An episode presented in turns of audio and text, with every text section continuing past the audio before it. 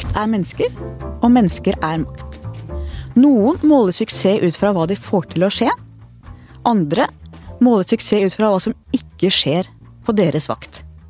Sjef for Politiets sikkerhetstjeneste, Benedicte Bjørndal, velkommen hit. Takk for det. Vi var tøffe med deg her i VG da dine folk gikk inn og beslagla råmateriale fra Ulrik Imtias Rolfsens film om norske fremmedkrigere.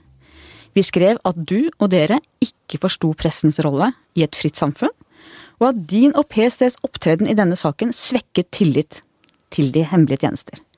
Dette skal vi komme tilbake til, men først, når forsto du at det var jussen som var din vei i livet? Det var tilfeldig. Eh, jeg var ingen um, veldig ivrig skoleelev uh, på videregående. Så jeg var en søkende sjel, uh, og den gangen tilbake i 1985, når jeg skulle begynne å studere, så var det jo ikke noe karakterkrav. Så jeg gikk ut med sånn uh, midt på treet videregående eksamen og søkende etter hva jeg skulle finne på. Og så var det, tror jeg, det var en av foreldrene mine, det er nesten flaut å si, da, som foreslo kanskje juss. Og derfor valgte jeg det, og så ble jeg jo glad i det etter hvert.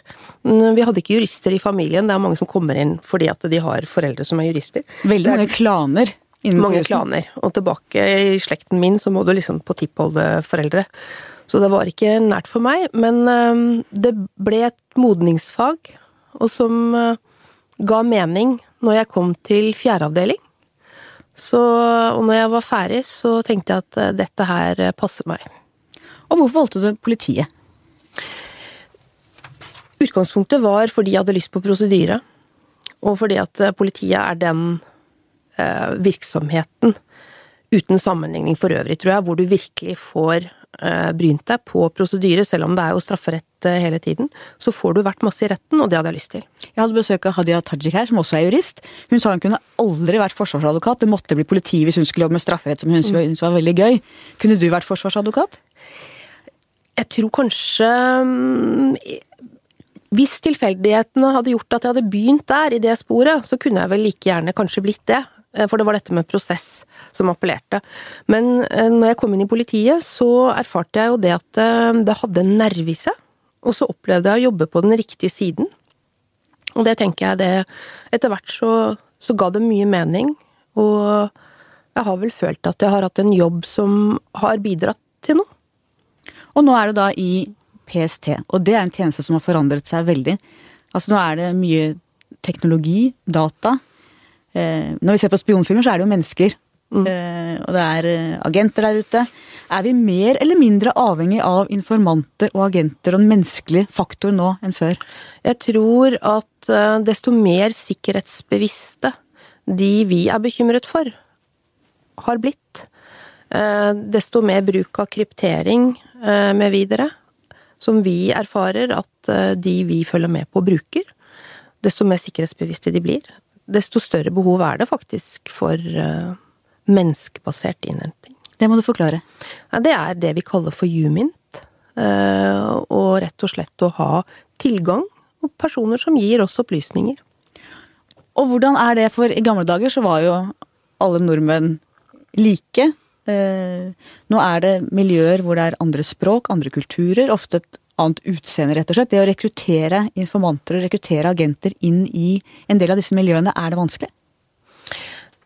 Altså, vi uh, har det vi kaller for kilder.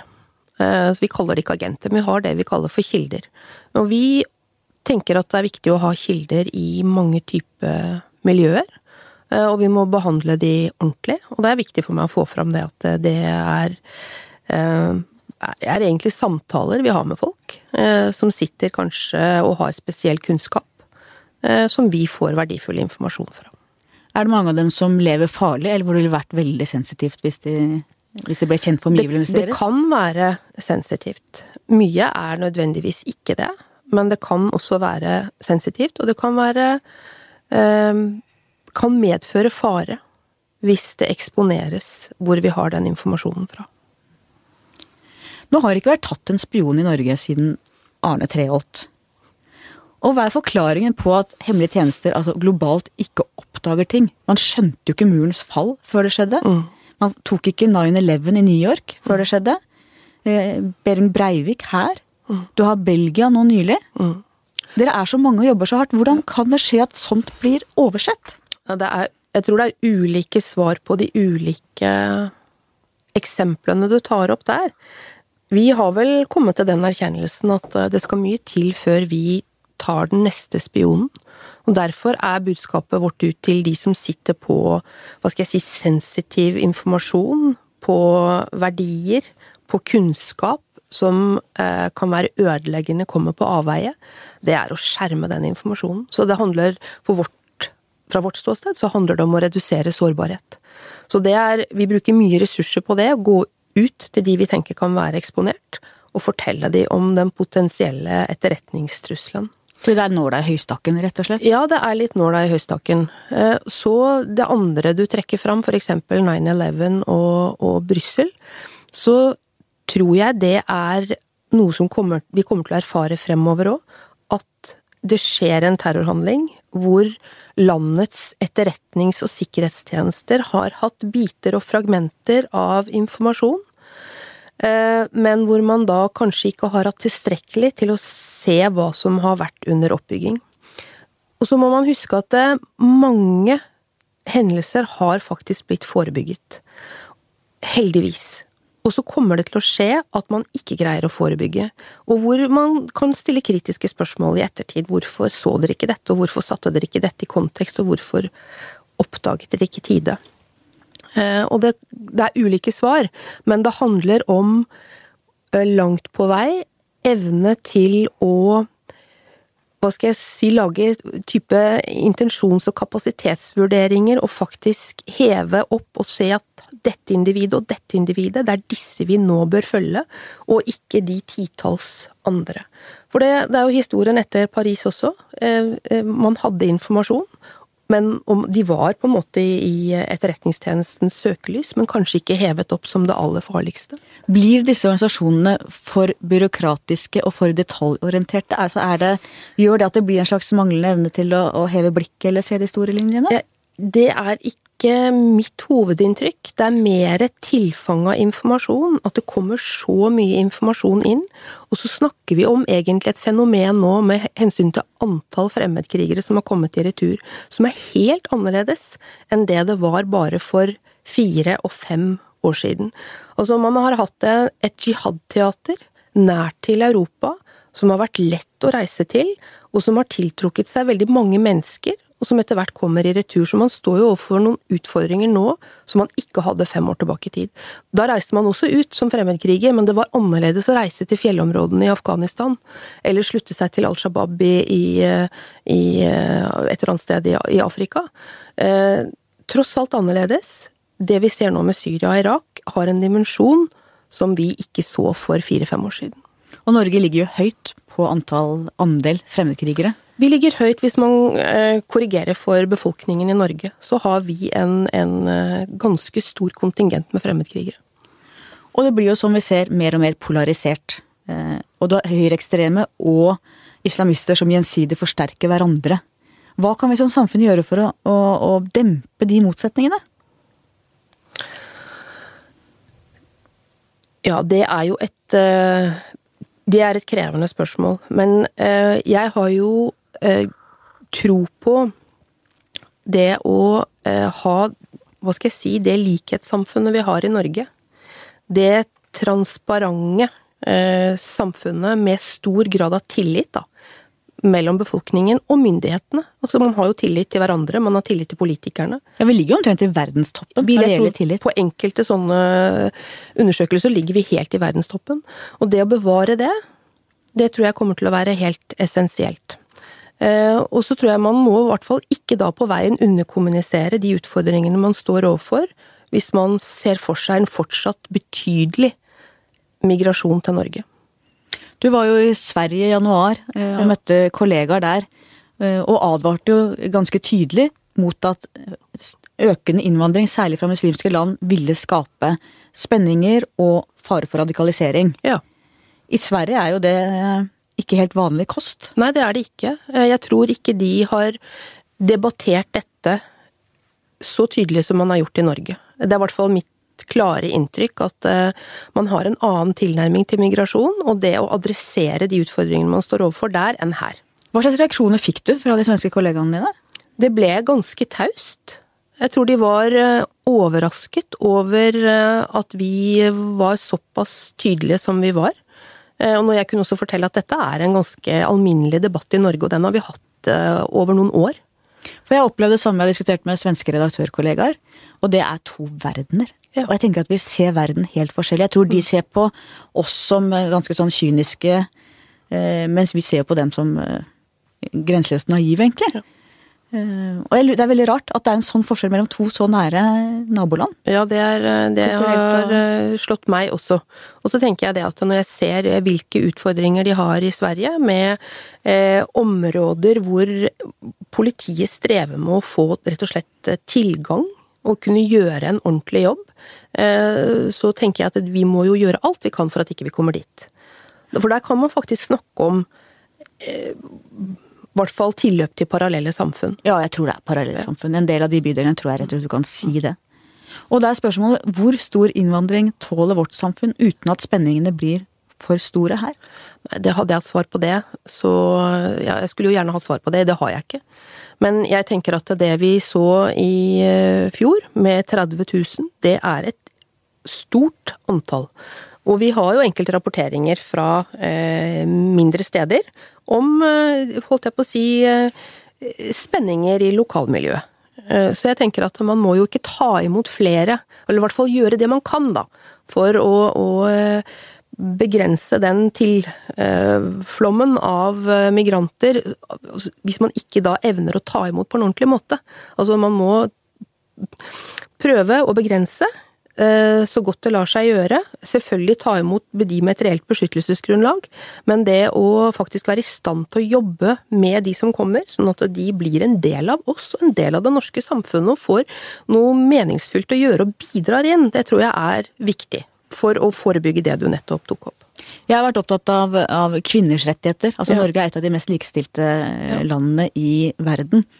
Og mange som kommer hit, kommer fra land hvor de har et helt annet kvinnesyn. Mm. Og de legger jo ikke igjen det i passkontrollen. Eh, og hvordan skal vi som samfunn møte det?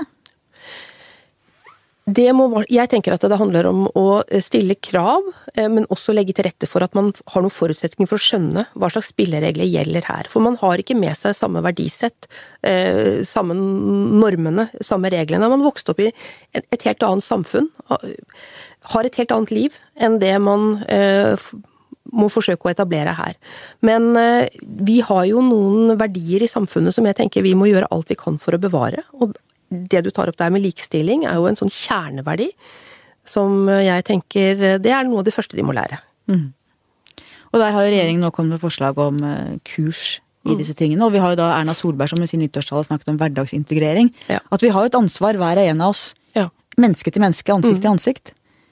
Også i lokalsamfunn og skolen og bygda og Og det tror jeg er uh, viktig. Og hvilken rolle spiller integreringen for, for sikkerhetsnivået, eller for sikkerheten i samfunnet vårt? Jeg tror det er en eh, kjerneverdi. For å opprettholde den sikkerheten vi har i Norge, så er det det at man unngår fremvekst av parallelle samfunn. Det er sånn som genererer ytterligere spenninger, og gror det på den ene siden, så nærer andre miljøer på det. Altså hvis ekstrem islamisme får uh, utvikle seg, så vil det uh, kunne generere uh, motreaksjoner fra det høyreekstreme miljøet. Og da har vi diskusjonen om åpne kommentarfelt. Mm. hvor vi ser at det er mange nettroll, det er mye rart, må vi si. Mye hat. Er det utlufting og sunt, eller er det selvforsterkende ekkokammer? Igjen et vanskelig spørsmål, da. Jeg syns det er vanskelig å være å ha et, ha et, veldig klart svar der. Altså det vi ser er jo at eh, etter migrasjonstilstrømningen til Norge i 2015, så har det eh, vært en markant økning i hatefulle ytringer på nettet. Spesielt fra innvandrerfiendtlige miljøer, og det man kan kanskje kalle for nynazistiske eller høyreekstreme miljøer. Eh, og én eh, tanke kan jo være da at desto flere som på en måte ytrer seg hatefullt, eh, så kan det kanskje terskelen faktisk senkes for å utøve en voldelig handling. At det blir på en måte legitimt å utøve en voldelig handling i den andre enden, som å utføre sabotasje eller skadeverk eller brannstiftelse på et asylmottak. Nå har jo høyreekstreme i Norge vært svakere organisert og vært mindre synlige enn i nesten alle andre europeiske land. Ja. De har manglet lederskikkelser. Det har vært turnover på lederne i de høyreekstreme miljøene. Og kommet opp en leder som har fungert noen måneder, og så er det vekk med vedkommende. Eh, og det skal jo vi på en måte være glad for. At de mangler, disse, mangler den karismatiske, sterke lederskikkelsen som evner å mobilisere ytterligere og kraftsamle i miljøet. Er det fordi det er mer stigma rundt den type krefter i Norge, eller? Det er jo rart. Det er jo rart. Sverige for eksempel ja. har en helt annen eh, stilling for høyreekstreme, mye sterkere enn her. Ja. Jeg tror noe av svaret er at det er forbundet med sterk grad av stigmatisering å være høyreekstrem. Det skal vi være glad for, da. Ja. Eh, tilhørighet, altså mange unge med innvandrerbakgrunn blir spurt hvor er du fra egentlig? Eh, og en del, særlig gutta, tror jeg jo, en del av de faller ut av videregående mm. skole. Jentene gjør det kjempebra tidvis. Har vi glemt gutta med innvandrerbakgrunn i de store debattene vi har hatt her hjemme? Det kan hende. Og det vi ser når vi gjør eh, grove analyser av de vi er bekymret for, da, som vi kan betrakte som eh, ekstreme islamister, eller i hvert fall i randsonen av ekstreme islamistiske miljø, så er det nettopp personer med multikulturell bakgrunn som er eh, generelt sett dårlig integrert, scorer dårlig på skolegjennomføring, drop-out, mangler høyere utdannelse, eh, har løs tilknytning til eh, arbeidslivet. Det vi kaller for marginaliserte. Der vi ser andre typer kriminalitet også forbundet med disse gruppene. Og så har vi jo en gruppe som også er etnisk norske konvertitter, men som scorer like dårlig egentlig på sånne sosioøkonomiske faktorer, da. Og, så det er det å jobbe med prøve å få disse inn i folden. Det høres så lett ut, og det er vanskelig. Men det er godt forebyggende arbeid. Du har jo filmskaperen Dia Khan. Hun har laget mm. Eh, flere filmer. Hun sier jo at eh, de som havner i de miljøene, ofte så handler det ikke om hat, men det handler om kjærlighet. Det handler om at mm. noen ser dem, mm. og noen sier 'her hører du til'. Mm. Du er en av oss. Så det handler vel om at man skal klare å, å bygge en sånn eh, inkludering eller tilhørighet også i storsamfunnet. Og si ja. at nei, du hører faktisk til her, ja. hos oss. Du er en del av det norske samfunnet. Eh, og det å unngå type vi og Altså de og oss-tankegang, men at vi er det store vi, det tror jeg også er en viktig ting. Det, det høres jo lett ut å si, eh, men det er jo en god norsk verdi. Eh, vi, vi, er jo et samfunn med stor grad av likhet, og i, i stort så er vi vel rimelig ok på integrering, men jeg tror vi kan bli enda bedre. For det er mitt neste spørsmål, de enslige mindreårige asylsøkerne, hvor du har sagt at de må bli våre ungdommer. Ja. Og det høres jo innmari fint ut, ja. men hvordan skal vi få til det? Nei, det er jo Det er lett å si, da. Og lett å mene det. Eh, og egentlig så høres det litt, kanskje nesten litt sånn etisk høyverdig ut å si det. Det har snev av egoisme i seg. For jeg tenker jo det at hvis vi Mitt ansvar er å trygge, gjøre det jeg kan for å gjøre det trygt i Norge. Eh, og på den veien så er jeg jo avhengig av at eh, disse sårbare unge menneskene som kommer kanskje traumatisert fra et annet land, eh, kanskje dårlig på utdannelse i utgangspunktet, og som lett vil falle utenfor hvis ikke vi gjør en kraftanstrengelse.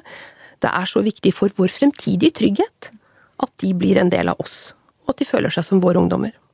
Og de aller, aller fleste er jo ikke farlige. Det er sårbare ungdommer som kanskje er sendt av gårde med tanke på å prøve å få et bedre liv, og noen har jo også, vil jo også ha et reelt beskyttelsesbehov.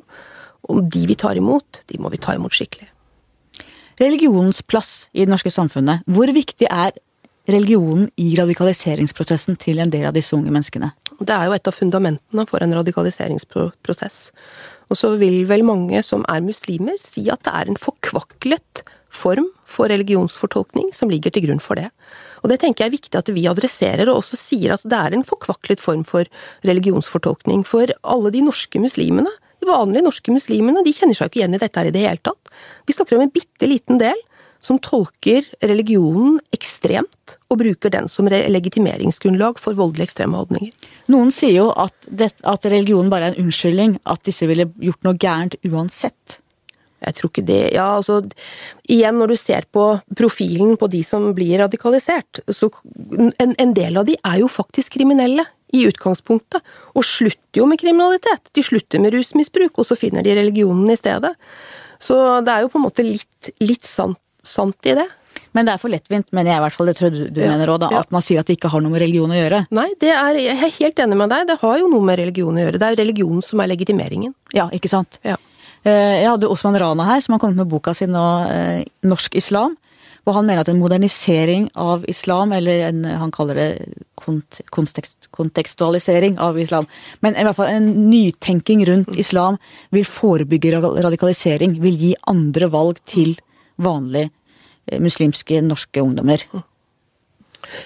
Jeg tror i hvert fall det at vi behøver religiøse ledere på vårt lag eh, som tydelig eh, hva skal jeg si, forsvarer det norske samfunnet og verdiene vi håndhever her, og hvordan vi har det. Eh, og, og, tar tydelig avstand eh, og gir gode råd til sine ungdommer om at eh, dette her er en forkvaklet fortolkning av vår religion. Uh, og det er helt feil. Og dere har jo samarbeid med moskeer, og, og, ja. og, det er vel mange av de som føler stort ansvar for å melde fra hvis de ser noe Vi har et samarbeid, særlig gjennom det ordinære politiet, så har vi samarbeid med, med moskeer. Og jeg eh, tenker at de har en viktig rolle i å forebygge, og også si fra hvis de ser bekymringer. Hvordan vurderer du Norges sikkerhet i forhold til andre land, særlig i forhold til våre nordiske naboland? Nå var det høy, høy eh, mm. risiko i Sverige. Du har hatt angrep i Danmark. Hvor mm. ligger vi? på skalaen? Nei, altså vi har jo faktisk gått ut og sagt at eh, vi ser en forsiktig reduksjon, og det har vi knyttet til to helt konkrete ting. Det ene er at um, det hjemmeradikaliserte og ekstreme islamistiske miljøet i Norge, det er noe svekket som følge av en del dødsfall. Det er en del av de som har reist ut som fremmedkrigere som har falt på bakken i Syria og Irak.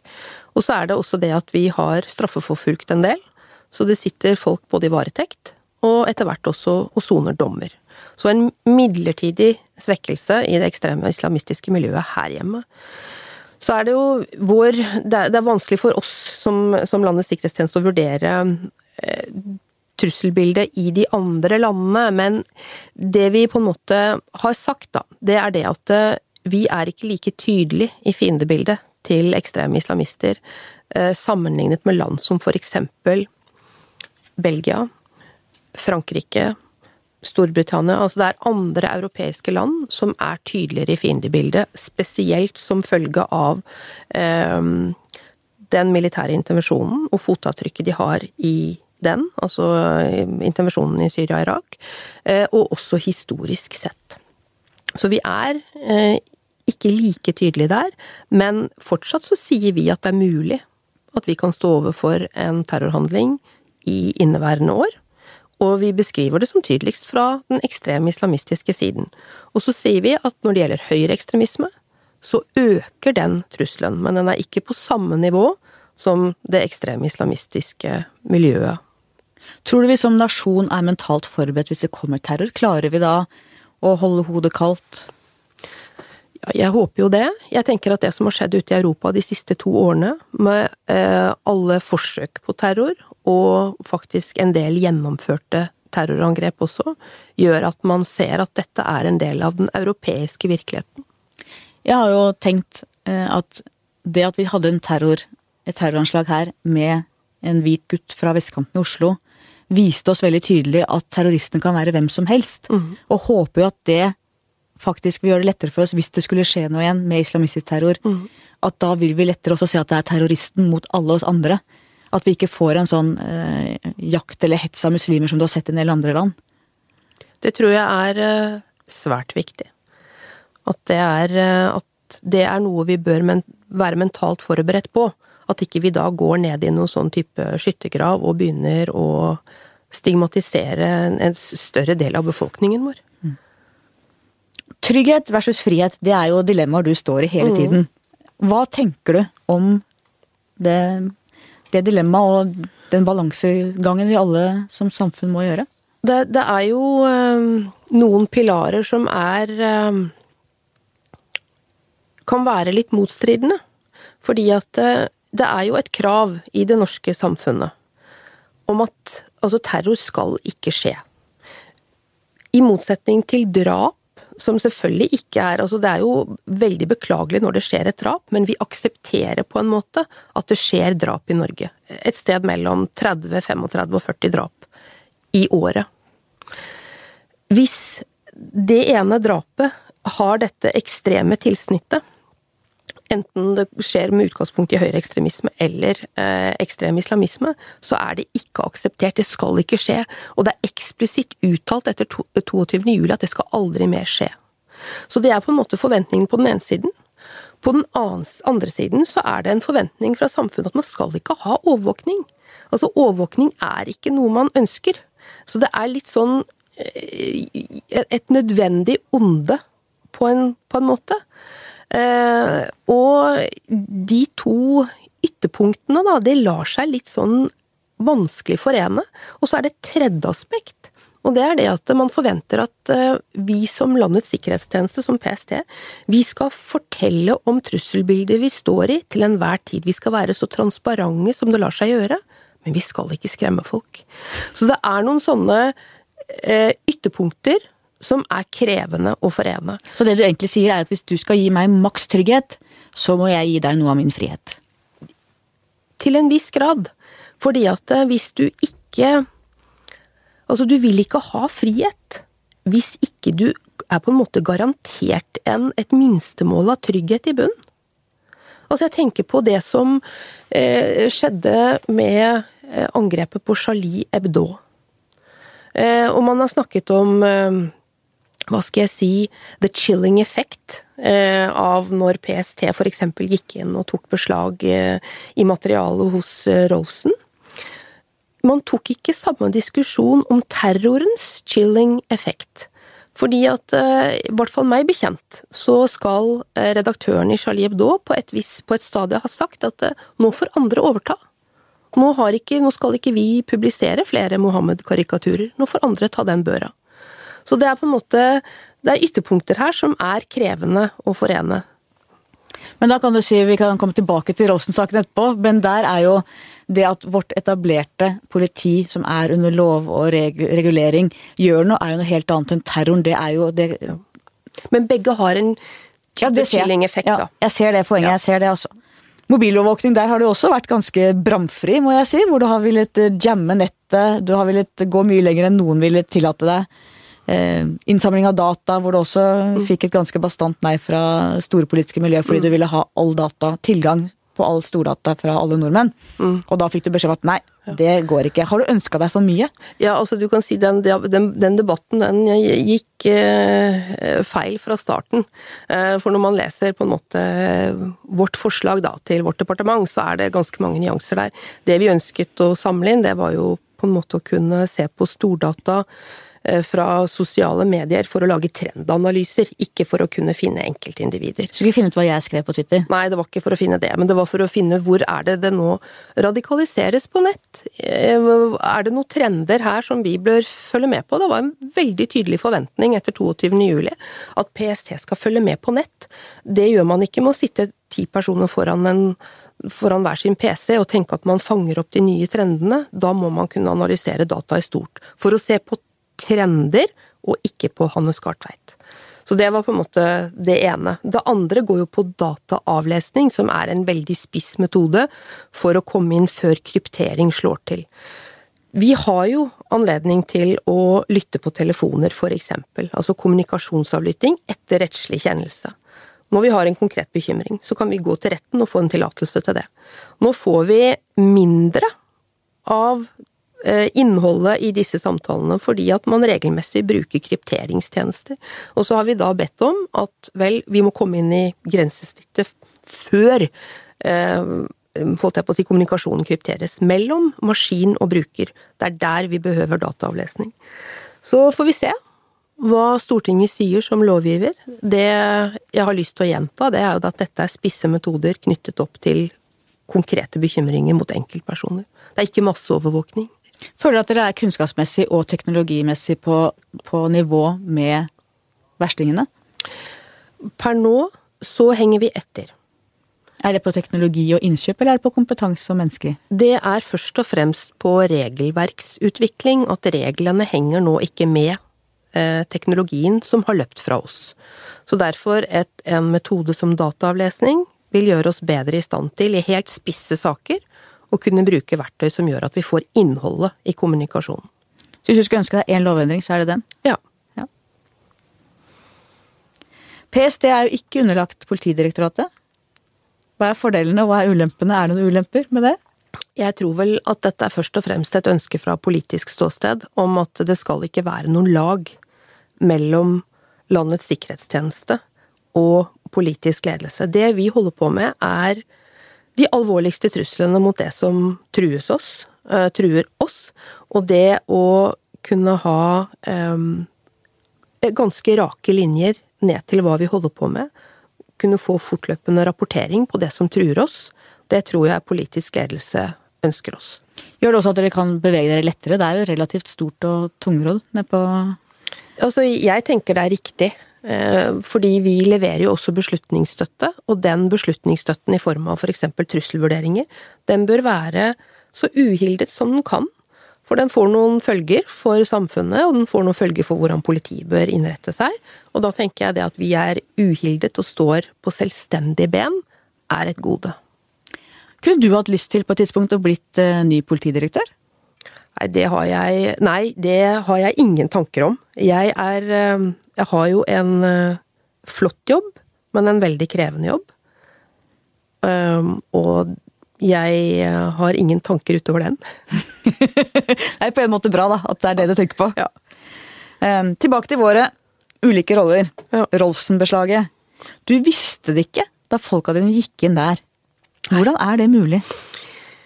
Ja, det har jeg jo fått spørsmål om. Og Eh, jeg tror at de som eh, jobbet med den saken, de så eh, gikk rett i loven og så på hvem er det som er kompetent påtalemyndighet til å her å, å fatte hastebeslutning. Og det er statsadvokaten. Altså førstestatsadvokaten i NAST er rett beslutningsmyndighet for å ta hastekompetansen. Så de fulgte boka. Men det var jo noen reflekser å gå inn og hente journalistisk materiale bare, bare minne litt lytterne om det. Det var altså Rolfsen som lager en dokumentarfilm om fremmedkrig i Norge. Hadde fulgt dette miljøet veldig tett, og satt på upublisert råfilm som PST var veldig interessert i å se. Og da raida man hjemmet hans og gikk og henta det. Mm. Og det visste ikke du som PST-sjef om, og det ble stort ramaskrik. Vi og andre var veldig opprørt over det som skjedde. Mm. Og det fikk jeg vite om eh, dagen etterpå. Og så har jeg også sagt til deg og til andre at eh, jeg står helt og holdent bak det de gjorde da. Vi ville ikke gjort det samme i dag, for nå har Høyesterett i mellomtiden bedrevet rettsutvikling og sagt at der går grensen, og der eh, får ikke PST lov til å være. Så det beslaget som vi tok, og som vi forseglet og sendte til tingretten, det får vi aldri lov til å se på. Og Det er i hvert fall jeg er veldig glad for. Det, var, det er noe med å utføre kildevern og, og se pressens plass. Og at dere av alle ikke skulle forstå behovet av vern om kilder. Det syns jo vi også var rart. Ja, og jeg forstår det, selv om jeg fortsatt i dag forsvarer beslutningen som folkene i PST gjorde. Eh, og så, som sagt, vi ville ikke gjort det samme i dag, mm. for nå er rettstilstanden en annen. Men vi føler jo sterkt på det ansvaret vi har. Vi gjør det, og ansvaret er forbundet med det å forebygge terror, også terrorvirksomhet som skal skje utenfor Norge eventuelt. Her var det en ung mann på vei til å slutte seg til eh, ISIL. Så det var, opplever jeg, en aktverdig grunn for å gjøre det vi gjorde. Men så, er på en måte, så mener Høyesterett at her gikk for langt, og det respekterer vi. Ja. Hva er du selv redd for? Det går jo mer på at noe skal skje familien din. Jeg går ikke rundt og tenker at eh, det er farlig å være i Norge. Ei heller for meg som sjef for Politiets sikkerhetstjeneste. Det, jeg har lyst til å si litt om, om det, for nå har vi snakket om terror, eh, både fra høyreekstreme og fra ekstreme islamister, og sjansen for at eh, du eller jeg blir utsatt for noe sånt nå, er jo veldig, veldig liten. Men det er det at det slår så hardt når det treffer. Det skremmer opp en hel befolkning. Og det er jo målet med terroren. Det er jo akkurat det det er. Det er, er, det land i Europa du ikke vil dra på ferie? Nei.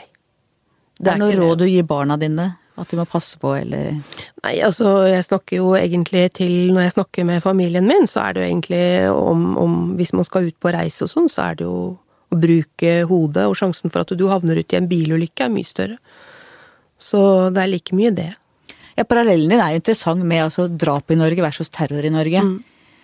Så du tenker at egentlig må vi bare tenke at det kan skje, vi må akseptere det, vi må gjøre så godt vi kan, men vi har ingen garantier. Men vi har ingen garantier, og vi må leve våre liv. For hvis ikke vi lever våre liv, og i dette gode samfunnet som vi tross alt bor i, da, så vinner jo på en måte terroristene fram med sine trusler, direkte og indirekte. Helt til slutt, hva skal være historien om deg? Benedicte Bjørnland, det var hun som eh, Gikk ut av livet godt brukt. Veldig bra. Tusen takk for at du kom hit til oss. Takk til Magne Antonsen, som holder i teknikken. Takk til deg som hørte på. Vi er tilbake neste uke. Takk for meg.